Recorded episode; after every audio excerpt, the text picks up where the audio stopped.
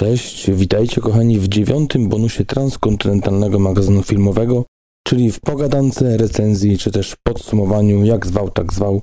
Oczywiście bezspoilerowym, premiery filmowej, która miała miejsce tydzień temu na platformie Netflix. Mowa oczywiście o dramacie biograficznym opowiadającym o nieustraszonych Texas Rangers, którzy ścigali słynną parę przestępców, budzącą zarazem strach, jak i podziw w Stanach Zjednoczonych w połowie lat 30. XX wieku, czyli Bonnie i Clyda. Z racji tego, iż kolejny pełny odcinek wyjdzie dopiero za tydzień, omówię dziś też premiery kinowe na piątek, 5 kwietnia 2019 roku. Więcej szczegółów oczywiście zapraszam na www.tmfpodcast.com. Zapraszam na bonus.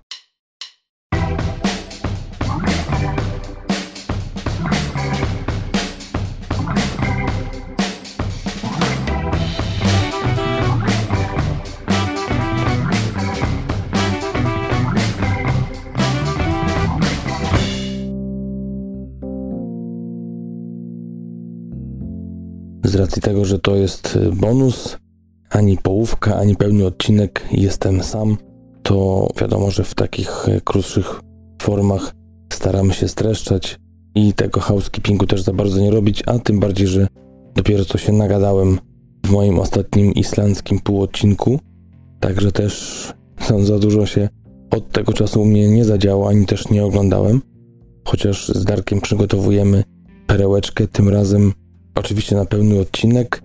Tym razem będzie to albo coś kryminalnego, albo historycznego.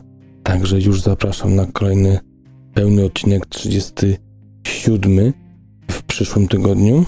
A tylko dodam taką małą erratę co do mojego półodcinka właśnie ostatniego. Tam mówiłem między innymi o tym, jak żyło mi się na Islandii. Właśnie tutaj od razu przechodzę do meritum o tanim prądzie i o tym, że wszystko jest z tego zasilane. Mówiłem też, że i ogrzewanie. I niby to mały błąd, ale jednak dość mnie uwierał przez te ostatnie kilka nocy. Tylko napomnę i za bardzo nie będę tego rozgrzebywał, że oczywiście ogrzewanie jest e, ze źródeł termalnych, źródeł gorących, które tutaj płyną praktycznie przez całą wyspę. No zresztą sama taniość prądu, niskie ceny właśnie biorą się z niczego innego, jak właśnie z tych gorących źródeł, które no, w naturalny sposób zasilają turbiny, które właśnie wytwarzają ten taniuszki prąd. A jeszcze może jedno słowo a propos tego przysmaku z rekina, o którym też mówiłem w poprzednim odcinku, który do przygotowania celem osiągnięcia swoich słynnych własności smakowo-zapachowych, oprócz tego, że jest taki surowy, zakopany w ziemi, to chwilę przed tym zakopaniem jest skraplany moczem. Także ten tego, mm, no to tak, tylko na marginesie. Jakby ktoś chciał przepisu dokładnego na ten przysmak. I tyle, bez zbędnych dodatków i opowiadań przechodzę od razu do premier. Tak jak powiedziałem we wstępie, premiery na 5 kwietnia. I tak to właśnie mamy aż 10 filmów w ten weekend. Także dość sporo. Będzie jedna animacja, będzie też dokument jutro albo pojutrze, który to był y, tegoroczną nominacją do Oscara, jako właśnie pełnometrażowy dokument. Także widać, że kina w Polsce idą teraz tym tropem i dobrze. Dokumentalnym w zeszłym tygodniu był film, który zdobył Oscara. Teraz jest to film, który miał nominację, także dość ciekawie i oryginalnie podchodzą teraz do repertuarów dystrybutorzy i to bardzo dobrze. A ja z kolei wybrałem trzy. Dwie są takie, na które najbardziej czekacie, kierując się głosami na Filmwebie, a jedna jest, no taka powiedzmy, któraś z kolei, ale wyczytałem, że naprawdę bardzo dobre zbiera opinie, więc yy, zamieniłem jedną z drugą. I tak mamy właśnie, zacznę od tego, Wilcze Echa, dramat francuski, który premierę miał 17 stycznia tego roku w Paryżu oczywiście. Akcja dzieje się w niedalekiej przyszłości, kiedy to łódź podwodna staje w sytuacji kryzysowej i no, musi się z niej wydostać. W takim dość dużym skrócie opisują to strony dostępne właśnie przez dystrybutorów tego filmu. Scenariusz i reżyseria. Tutaj za obie te role wziął się Abel Anzak, dla którego jest to debiut reżyserski. Wcześniej na przykład scenariusz do komedii francuski minister z 2013 roku był właśnie jego dziełem. W obsadzie mamy takich oto aktorów Francis Civil, którego możecie kojarzyć z filmu Frank, z Michaelem Fassbenderem z roku 2014, czy też z horroru Jako w piekle, taki na ziemi, również z tego samego roku. Obok niego zobaczycie Omara Saya, jedno z większych gwiazd francuskiego kina ostatnich lat i tutaj ten pan oczywiście ma na koncie swoją perełeczkę, czyli Nietykalni, komedia z 2011 roku, czy też Jutro będziemy szczęśliwi z roku 2016, a ostatnio też pojawia się i w Hollywood i tak właśnie widzieliśmy go w filmie Transformers 5 sprzed dwóch lat. Tą dwójkę jeszcze dopełnia Mathieu Kasowic. Tego pana mogliście widzieć w filmie Amelia z roku 2001, czy też w filmie Nienawiść z Vincentem Kasselem, w którym również parał się reżyserią, a także na koncie ma reżyserię filmu Purpurowe Rzeki z roku 2000. Także to jest taka trójka z głównej obsady. Co do ocen i recenzji, IMDB przy około 1000 głosów daje temu filmowi 7,6. Rotten Tomatoes brak ocen krytyków, a z pięciu tylko ocen widowni 5 pozytywnych, czyli 100%. Film web oczywiście brak, gdyż czekamy na premierę. Z plusów tutaj, które wyczytałem a propos tego filmu, mówią właśnie krytycy o tym, że jest to zupełnie porywające doświadczenie. Umieszczenie młodego człowieka z wyjątkowymi zdolnościami w sercu apokaliptycznego scenariusza, które tylko on może rozwiązać. Tak enigmatycznie i dość tajemniczo recenzuje tutaj jeden z krytyków. Inna opinia głosi to, iż rzadko można zobaczyć francuski thriller, który wygląda jak kosztowna hollywoodzka produkcja, oferująca nam wystarczająco dużo napięcia, aby zasłużyć nawet na porównanie do filmu Das Boot, czy też z kolei takie dylematy moralne, które sprawiły, że dość uniwersalnym dziełem stał się serial Battlestar Galactica, więc myślę, że tutaj już porządne dzieła zostały wysunięte w tym kierunku pozytywnym. Inny krytyk mówi o tym, że jest to film wspaniały, który przykuwa od samego początku do końca. Mówi też o dobrej grze aktorskiej, świetnej historii, wykorzystaniu dźwięków, a także o wiarygodnych postaciach, realistycznym filmie, który po prostu nie próbuje ani oszukać, ani ogłupić. I ten krytyk też zapowiada, że na najbliższym czasie film powinien stać się klasykiem. Kto wie, tak podobnie się stało właśnie 8 lat temu przy okazji komedii Nietykalni z Omarem Sajem, o którym wcześniej wspomniałem. No kto wie, może i ten film taki będzie. Z minusów tutaj zbyt tych recenzji negatywnych nie było. Jedna, która przykuła moją uwagę, mówiła o tym, że chociaż François Civil czy też Reda Ketap, inni aktorzy, którzy grają w tym filmie, ratują trochę ten film, to jednak okazuje się on być bardzo przeciętny, z mało wiarygodnym scenariuszem. Czasami jest śmieszny, a czasami po prostu głupi. No, trochę się ta opinia różni, czy raczej jest mocno przeciwstawna do tej poprzedniej, którą wyczytałem, ale no, kto wie, albo pójdziecie, albo nie. Jak zwykle wybór należy tylko i wyłącznie do Was. Budżet tego filmu to 22,4 miliona dolarów, a w samej Francji, bo na razie tam głównie był wyświetlany, zarobił już 10,5 miliona dolarów, także no, dość niezły wynik i no i film idzie dalej. Teraz do nas zobaczymy jak to u nas mu się powiedzie. Czas trwania filmu to 115 minut. Kolejnym filmem jest Impostor. Jest to horror produkcji irlandzkiej, a dokładnie w ten film zaangażowane były takie kraje jak właśnie wspomniana Irlandia, Wielka Brytania, Finlandia oraz Belgia. Premierę miał ten film 25 stycznia tego roku na festiwalu w Sundance, a akcja opowiada o Sarze, która przeprowadza się ze swoim synkiem do domu na wsi. Pewnej nocy Chris znika, a kiedy się odnajduje, Sara zaczyna podejrzewać, że chłopiec, który wrócił, może nie być jej synem. Za scenariusz i reżyserię odpowiada m.in. Lee Cronin, dla którego jest to debiut pełnometrażowy. Wcześniej stworzył takie krótkie metraże jak Ghost Train z roku 2013, czy też Billy and Jack z 2011. Przy scenariuszu z kolei pomaga mu jeszcze Steven Shields. Wcześniej miał na koncie takie filmy jak Mini Moguls z roku 2018, czy też Zombie Bashers z roku 2010. W obsadzie, no tutaj dość, tak jak patrzę, chyba mocno irlandzkie nazwiska, więc nie wiem, czy dobrze wypowiem, zakładam, że nie. Shiana Kerslake, może trafiłem. Ta pani zagrała w takim filmie jak Dollhouse z roku 2012 oraz w serialu w latach 2016-18 pod tytułem Can't Cope, Won't Cope. Obok niej zobaczymy też Jamesa Queena Markeya, znanego z takich filmów jak Mother's Day czy też serial Wikingowie z roku 2016, a także Simon Kirby. Jego mogliście widzieć w filmie Notatki o ciemności z roku 2016, czy też Klub Jimiego z 2014.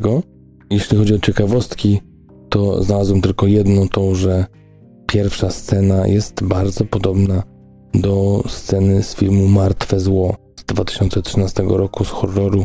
Także to jest to, co nerdzi horrorów mogą ewentualnie wypatrzeć. No ja bym raz, że Martwego Zła nie widziałem, dwa, no nie jestem, jak pewnie wiecie, jak słuchacie naszych odcinków, zbytnim fanem horrorów. No jakby nie będę za głęboko wchodził w to, ale moim zdaniem po prostu jest mało dobrych, ale to pewnie opinia każdego, kto horrorów po prostu nie lubi.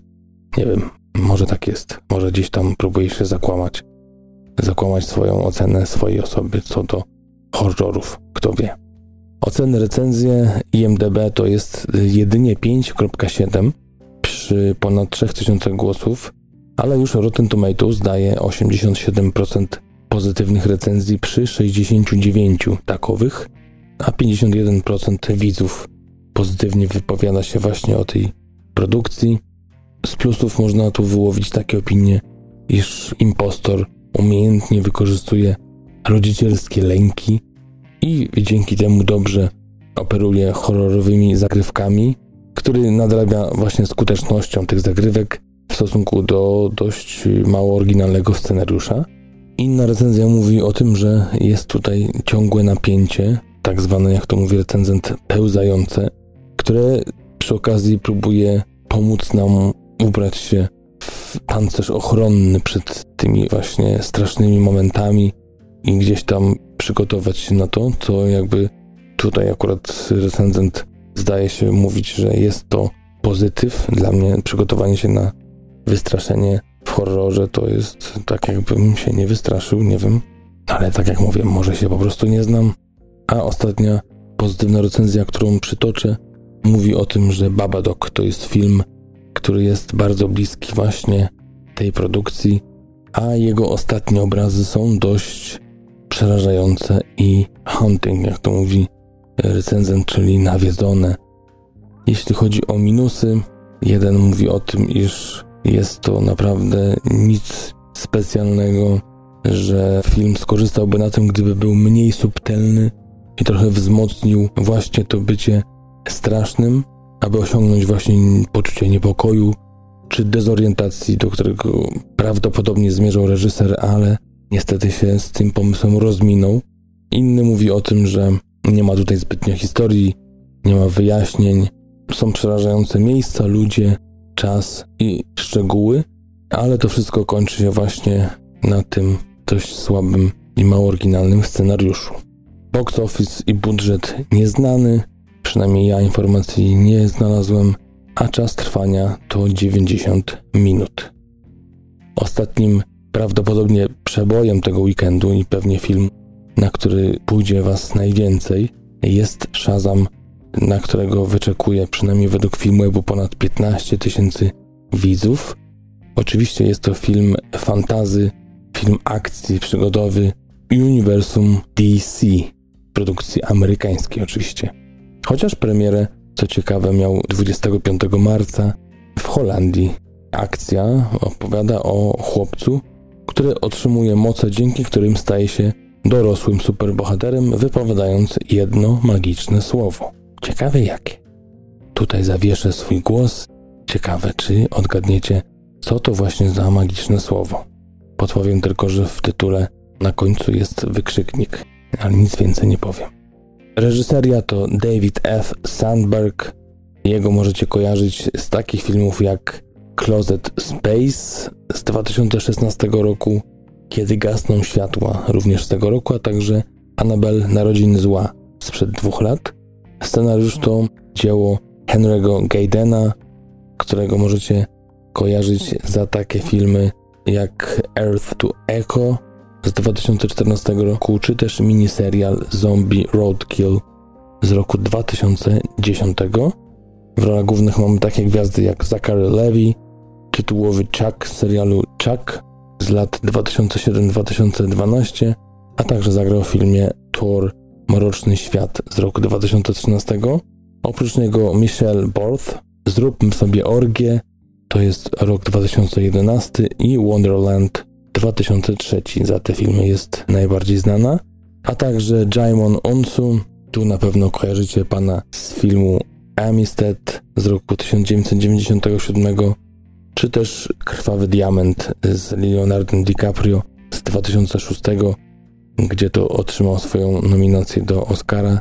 Drugą już, bo otrzymał też za naszą Amerykę z roku 2002, a w ostatnim czasie zagrał m.in. w filmie Strażnicy Galaktyki z roku 2014.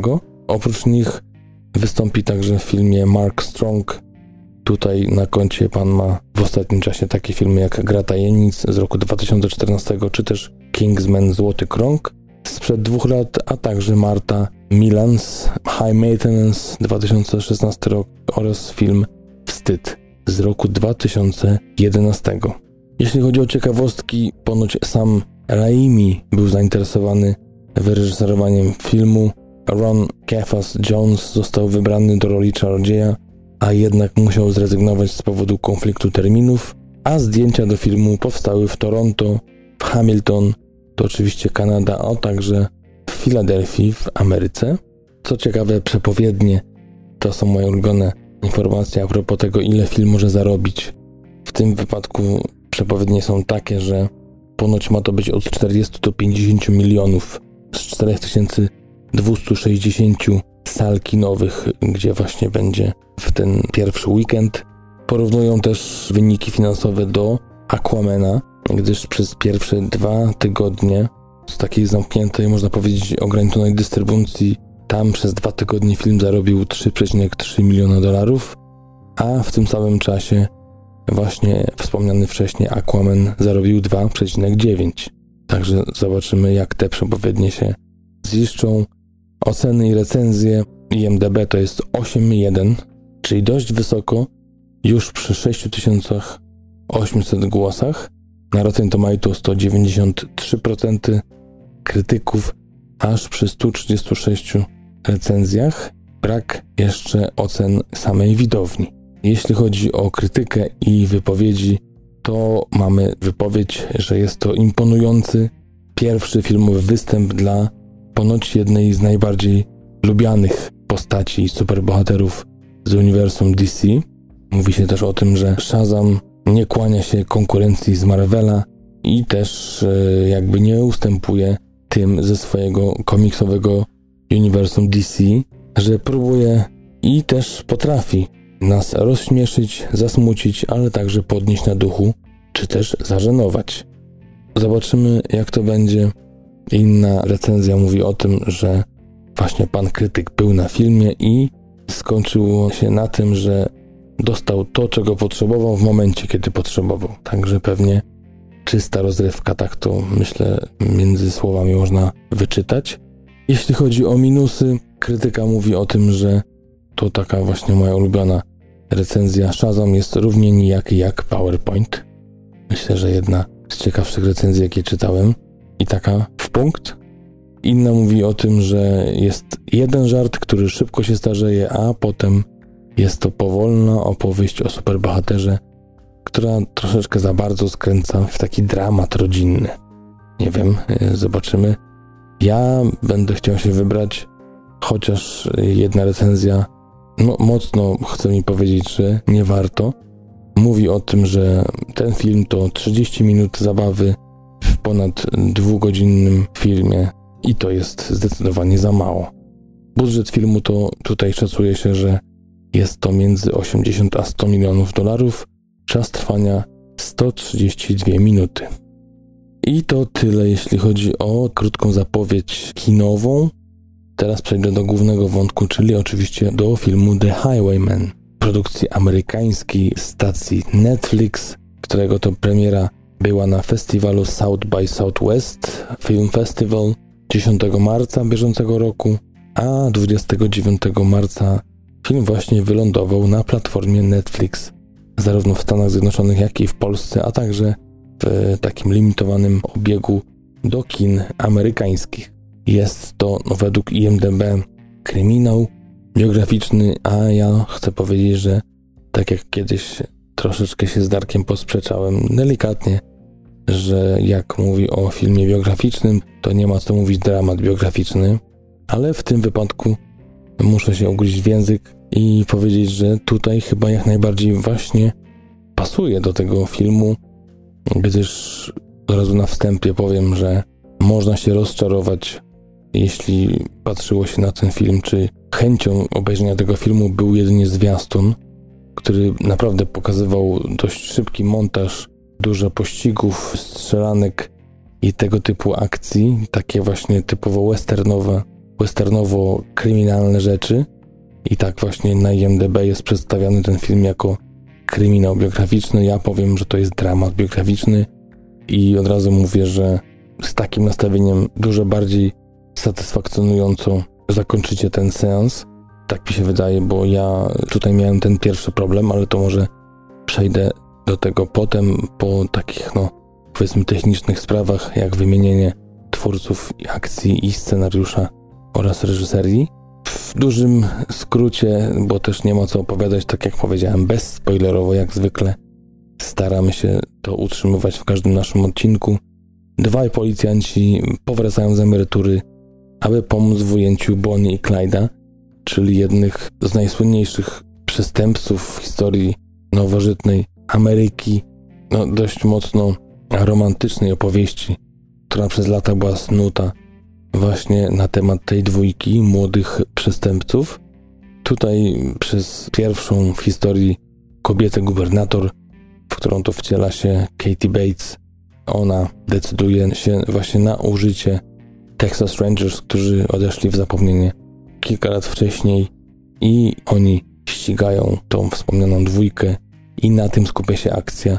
Tak naprawdę na dowiedzeniu się czegoś o nich, o tych, w których wcielają się odpowiednio Kevin Costner i Woody Harrelson, czyli Frank Hammer i Manny Gold, a nie właśnie w takie mocno kryminalno-strzeleckie klimaty. Za reżyserię odpowiada John Lee Hancock. Tego pana możecie kojarzyć z filmu Wielki Mike z Bullock, ratując pana Banksa z Tomem Hanksem z 2013, czy też Mac Imperium z Michaelem Keatonem z 2016. Te filmy właśnie są jego dziełami. Przy scenariuszu z kolei pomaga mu John Fasco, tutaj twórca takich scenariuszy jak Hidalgo 2004 rok, Młode Strzelby 1988, czy też animacja Mustang z Dzikiej Doliny z roku 2002, który był nominowany do Oscara właśnie za animację oczywiście. Tak jak wspomniałem wcześniej, w obsadzie mamy Kevina Costnera, czyli pierwsze z brzegu, co przychodzi na myśl Bodyguard, 92 rok, Tańczący z Wilkami, rok 90 i tutaj dwa Oscary za reżyserię oraz za film. Za rolę miał tylko nominację, tylko lub aż, a ostatnio wciela się również w postać takiego rangera, farmera w serialu Yellowstone, w którym występuje od 2018 roku. Partneruje mu Woody Harrelson, czyli też pierwsze co przychodzi na myśl skandalista Larry Flint, nominacja do Oscara, film z 1996 roku. Ostatnio no, w wielu filmach gra, ale jego karierze, czy bardziej w karierze serialów takich na no, wysokim poziomie, przeważa właśnie twór pod tytułem Detektyw, serial, w którym to w pierwszej serii u boku Matthew McConaughey'a z roku 2014, który jest no, przez wielu uważany za niedoścignionym wzorem. Raz oczywiście dla kolejnych serii tego właśnie serialu, ale też i innych seriali, które powstają po nim właśnie po tym 2014 roku. Oprócz tego Zombieland, komedia o zombiakach, między innymi też z Emma Stone, czy też J.C. Eisenbergiem z roku 2008, a już w przygotowaniach na październik tego roku, a dokładnie 11 październik szykuje się kontynuacja, czyli sequel tego filmu z całą właśnie wymienioną przeze mnie obsadą. Tej dwójce partneruje, tak jak powiedziałem też wcześniej, Katie Bates. Tutaj też e, od razu z zamkniętymi oczami wymieniamy Mystery, czyli 1990 rok, gdzie zdobyła swojego jedynego do tej pory Oscara, ale także Titanic 1997, a ostatnio serial American Horror Story, gdzie od 2013 roku wystąpiła w aż 58 odcinkach. Recenzje do tej pory i oceny wyglądają w następujący sposób 7.1 na IMDb przy 15 tysiącach głosów. Rotten Tomatoes dość słabo jeśli chodzi o recenzję, bo przy 106 52% jest pozytywnych, więc tak no mocno średnio najeża, ale już 78% jeśli chodzi o krytykę. Film Web 6.8 przy około 6000 głosów. Budżet to dość sporo jak na no w cudzysłowie film telewizyjny, ale to wiadomo, Netflix daje coraz to większe pieniądze na takie produkcje. 49 milionów dolarów, czas trwania 132 minuty. Prace nad projektem trwały od już 2005 roku. Na samym początku główny duet Texas Rangers mieli zagrać Robert Redford oraz Paul Newman. Potem oczywiście w 2008 po śmierci Newmana połowa się rozleciała, a potem Redford też opuścił ten projekt. W jednym z wywiadów, które słuchałem właśnie przygotowując się do odcinka, mówił Kevin Costner, że projekt ten, scenariusz już trafił do niego 10 lat temu, wtedy go odrzucił. Mówił o tym, że no, musiałby trochę więcej przytyć, może trochę zmienić się, dojrzeć do tej roli. Teraz mówi, że po 10 praktycznie latach ten scenariusz do niego wrócił i już teraz był gotowy. Ciekawe, pan już ma to jest 55 rocznik, czyli 64 lata w tym roku. Chociaż trochę odmłodniał na pewno, bo w 2004 roku ożenił się po raz drugi i ma trójkę dzieci w dość takim młodym wieku jak na siebie, czy jak na takiego pana właśnie po 60. Najmłodsze dziecko ma lat 9, starszy 10 z tej ostatniej trójki, gdyż z pierwszego małżeństwa ma również dwójkę dzieci. Sam zresztą mówił, że przygotowując się i czytając scenariusz, ucząc się go w domu, no miał czasami problemy z tym, żeby no czegoś się nauczyć na czas, gdyż dzieci przeszkadzały mu, chcąc się bawić. No niestety, jak się ma takie dzieci małe, to trzeba czasami i przestać być tą gwiazdą filmową i poświęcić się właśnie im, chociaż jak to sam powiedział, obowiązki są jak najbardziej przyjemne, także nie ma tutaj mowy o jakiejś złośliwości, żebym opowiadał o tych historiach. Co ciekawe, Woody Harrelson w 1994 roku z Juliette Lewis zagrali w takim filmie, może kojarzycie Urodzenie Mordercy? Myślę, że tak. I mówi się, że to jest taka właśnie odrestaurowana, czy raczej nowa wersja Bonnie i Clyde'a. Oni akurat wcielili się w rolę Mika i Mallory. Jeszcze z takich ciekawostek był znany i słynny film Bonnie Clyde z 1900 67 roku.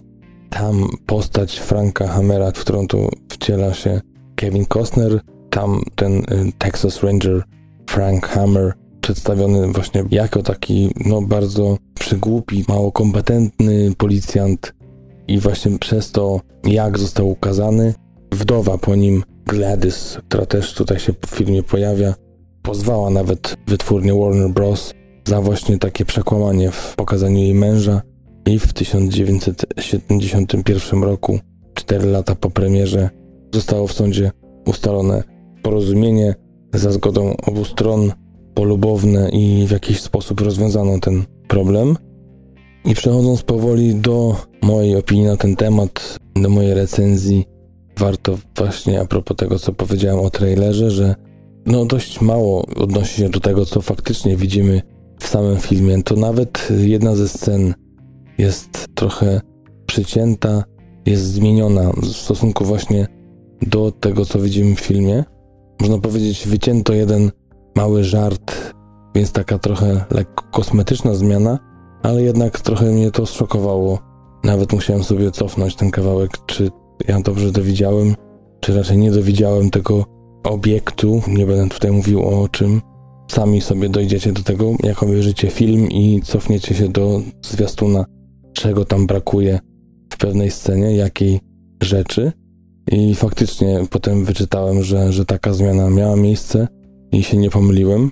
To już jest jedna rzecz, która mówi o tym, że film był trochę inny od tego, jak go reklamowano.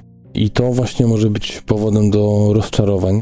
Muszę szczerze powiedzieć, że no też gdzieś tam kierowałem się tym zwiastunem, zresztą na naszym Facebooku wrzuciłem któregoś dnia pięknego newsa właśnie z tym zwiastunem i tak się właśnie wydawał taki szybki western o rewolwerowcach, a to zupełnie jest co innego.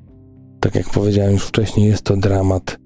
Jest to tak naprawdę faktyczna opowieść nie o tych głównych gwiazdach tej całej historii, czyli Bonnie Clyde, tylko właśnie o tych dwóch Texas Rangerach, o jej historii, o tym jak to połączyli na nowo siły, o tym jak byli niechciani, jeśli chodzi o samą nawet panią gubernator właśnie graną przez Katie Bates, gdzie ta decyzja o przywróceniu ich do służby była dość wymuszona. Też widziałem bardzo ciekawą recenzję jednego takiego typowego moim zdaniem redneka, ale takie coś znalazłem na YouTubie, który opowiadał o tym właśnie, dlaczego tak bardzo nieprzychylni byli tym Texas Rangerom i dlaczego zrezygnowano z tego, że to był taki coś pomiędzy szeryfem z Dzikiego Zachodu, a potem już w czasach po właśnie wprowadzeniu przez Hoovera FBI, taki trochę wyjęty spod prawa policjant, który miał dużą dowolność, taki łowca głów prawie, który miał duże prawa właśnie nadane przez gubernator, tylko jemu, czy też potem, jak to jest w filmie, jej podlegał. I trochę był taki niewygodny dla zrzeszonych policjantów, nigdy przed nimi nie odpowiadał, nigdy się z nimi nie liczył, a z kolei wszystko uchodziło mu na sucho, więc no, były tam ponoć też w historii znane jakieś takie rzezie wykonane przez Texas Rangerów, którzy właśnie dosłownie po trupach szli do celu i jeśli mieli wyeliminować kogoś na polecenie gubernatora, to no nie robili to w stylu policjantów z drogówki, tylko bardziej takie właśnie Dirty Harry, czy też jeszcze chyba mocniej można powiedzieć sprawnie działali na takie zlecenie. I dlatego też tutaj był problem z tym, żeby ich ściągnąć z tej emerytury, ale po tym jakie spustoszenie powodowała właśnie dwójka przestępców, wspierana też czasami przez różnych zbiegów z więzienia, zdecydowano się na taki już ostateczny krok zatrudnienia ich. I tak jak mówię, są elementy, kiedy faktycznie ten pościg jest, widzimy go, jest namacalny, można gdzieś wczuć się w taki pościg, kiedy to właśnie bawią się w kotka i myszkę, ale jednak, tak jak wielu recenzentów podkreśla, że niby w drugim akcie cały tempo siada. Powiem inaczej, w drugim akcie jest scena, w którym to jeden z głównych bohaterów rozmawia z pewną osobą bliską Bonnie i Clyde'owi i ta scena jest raz przegenialna, przeniesamowita, jeśli chodzi o emocje, o zaskoczenie, o słowa, które padają i tą taką determinację w tych osobach, że dopiero wtedy chyba zrozumiałem, jaki film oglądam. Ja jakby nie czułem tego znużenia, tego takiego zwolnienia, takiej można powiedzieć zadyszki w tym filmie, w tym drugim akcie, czy w ogóle od początku. Bardziej skupiłem się na tych wspaniałych kreacjach aktorskich, które gdzieś tam mnie długo otrzymywały właśnie w takim skupieniu, gdyż no niesamowite i Katie Bates, ale przede wszystkim właśnie chemia między Kevinem Costnerem i Woody Harrelsonem jest niesamowita w tym filmie. To mnie trzymało od początku i gdzieś tam tak bardzo nie oczekiwałem tych pościgów chyba, ale zdaję sobie sprawę, że to może być coś, co może przeszkodzić w oglądaniu, jeżeli ktoś się na takie coś nastawi. A to jest właśnie dramat, pokazanie tych dwóch postaci, ich też domów i tego, jak dochodzili do tego, żeby stać się, no, można powiedzieć, też jednymi z najsłynniejszych tych Texas Rangerów, bo ścigali właśnie i doprowadzili do końca pościg za tą parą sławnych, niesławnych, sławetnych przestępców. Co ciekawe, można też wyczytać w napisach końcowych, jakimi gwiazdami była ta właśnie para. Na pogrzebie Clyda Barrowa było aż 15 tysięcy ludzi, na pogrzebie Pony w Dallas aż 20 tysięcy. Także to też pokazuje, jakie były wtedy nastroje tak naprawdę na południu w Teksasie. Tam para właśnie tych przestępców wywodziła się z mocno biednej sfery. W dość naprawdę oryginalny sposób są pokazani, czy też nie pokazywani przez cały film. Dość bardzo intensywnie reżyser chce nam pokazać, że to nie chodzi właśnie o nich, ale jednak gdzieś tam, wiadomo, myślimy i gdzieś tam pewnie też z tyłu głowy mamy filmy o Bonnie i Clyde, które to właśnie opowiadają o tej romantycznej historii tych dwóch kochanków, którzy przemierzali Amerykę, bawiąc się w Robin Hooda, a to tak naprawdę nie było. I to mocno niszczy trochę, można powiedzieć, ten wizerunek tej dwójki, chociaż Kevin Costner w wywiadzie powiedział po filmie, że chociaż sam był zdziwiony tym, że ta historia tak naprawdę była inna, wiadomo było, że już wtedy, w tamtych czasach, że dużo złego robili Bonnie i Clyde. To nie było tak, że uchodzili za takich biednych Robin Hoodów, którzy zabierają złym i bogatym, a dają biednym, tylko dużo było tej śmierci niepotrzebnej, ludzi niewinnych, policjantów, ale nie tylko, których właśnie zabijali z zimną krwią. Mam do czynienia z takim właśnie odmitologizowaniem tej całej romantycznej otoczki, zerwaniem właśnie z takim postrzeganiem Bonnie i Clyda i bardziej skupieniem się na naszych policjantach. I wydaje się, że jednak wbrew tym negatywnym opiniom o tym, że można się w tym filmie nudzić, jeden też z recenzentów powiedział, że dla takich geeków historycznych to to jest film w ogóle przegenialny. Te wszystkie historyczne prawdy, które są tam wyartykułowane gdzieś tam z boku a propos właśnie czy gubernator, czy szefa FBI późniejszego, wszystkie te informacje, które docierają do nas w tle z tego, co się dzieje w Ameryce, jak to wszystko się rozwija, w którą stronę to idzie, o tych nastrojach społecznych, to gdzieś wszystko ze sceny na scenę dowiadujemy się o tym i powoli, ale jednak systematycznie i regularnie i bez przerwy dostajemy nowe informacje i jakby ten cały obraz tej Ameryki roku 1934 i potem właśnie w którą stronę to wszystko zmierzało, a także właśnie historii tych dwóch naszych głównych bohaterów naszego filmu, a nie Bonnie Clyde, tych highwaymenów, to układa się w na pewno film drogi, w taką balladę i przede wszystkim właśnie, tak jak powiedziałem, zupełnie spojrzenie z innej perspektywy na tą całą historię w bardzo świeży sposób i właśnie prawdziwy. To jest dla mnie mocno na plus. Ocena 7.1 na IMDB. Myślę, że to jest coś w ten deseń, który ja bym strzelał z racji tego, że my w naszym podcaście dajemy oceny do 15, to ja bym dał takie 11, 11,5. Widać tą realizatorską profeskę, te pieniądze, te 49 milionów dolarów i w ujęciach i właśnie oddaniu klimatu tamtych lat, strojów, aut przepięknych i też muzyki, w ogóle ujęć. Mocno kinowy oddech czuję się oglądając tą, jakby nie było telewizyjną produkcję. I film jest, można powiedzieć, mocno krwawy, mocny w ogóle. Idzie trochę w takim kierunku westernowym, ale jednak z tego sentymentalnego klimatu za wiele nie zostaje. I to chyba tyle. Tak jak mówię, ja daję 11,5, nawet może zbliżyłbym się do 12. Za slow burn, czyli mocno powoli rozkręcającą się historię i sceny końcowe, potem też zdjęcia prawdziwe z dokumentów, które pokazują nam, jak skończyli Bonnie i Clyde. To wszystko układa się w bardzo zgrabną całość.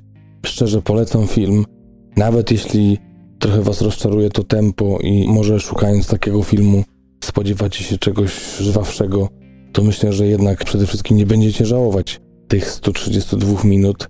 Tak jak powiedziałem, jest dostępny na Netflixie z napisami, z lektorem Można oczywiście obejrzeć w wersji oryginalnej. Także to chyba tyle. Polecam, chociaż mówię, film nie pozbawiony wad, ale jednak na tyle mocna to pozycja, że mogę szczerze polecić z czystym sercem tym, którzy mają krucjatę TMF-u, dopisanie tej pozycji do swojej listy. I tyle, dziękuję za dziś. Dziękuję, że wysłuchaliście tego krótszego niż zwykle odcinka, właśnie bonusu numer 9. Zapraszam na nasz Instagram oraz Facebook TMF Podcast pisane razem. Oczywiście www.tmfpodcast.com to jest nasza strona domowa. Także Twitter TMF podkreślnik dolny podcast. Od niedawna jesteśmy na aplikacji Lekton. Dziękujemy za dodanie. Ta aplikacja pozwala słuchać ulubionych podcastów, także oprócz Spotify, gdzie też jest dość łatwo nas znaleźć, oczywiście YouTube oraz SoundCloud to też są miejsca, gdzie nas można słuchać. Dziękuję, do widzenia, do usłyszenia w kolejnym 37 odcinku już za tydzień i życzę Wam miłego weekendu. Cześć.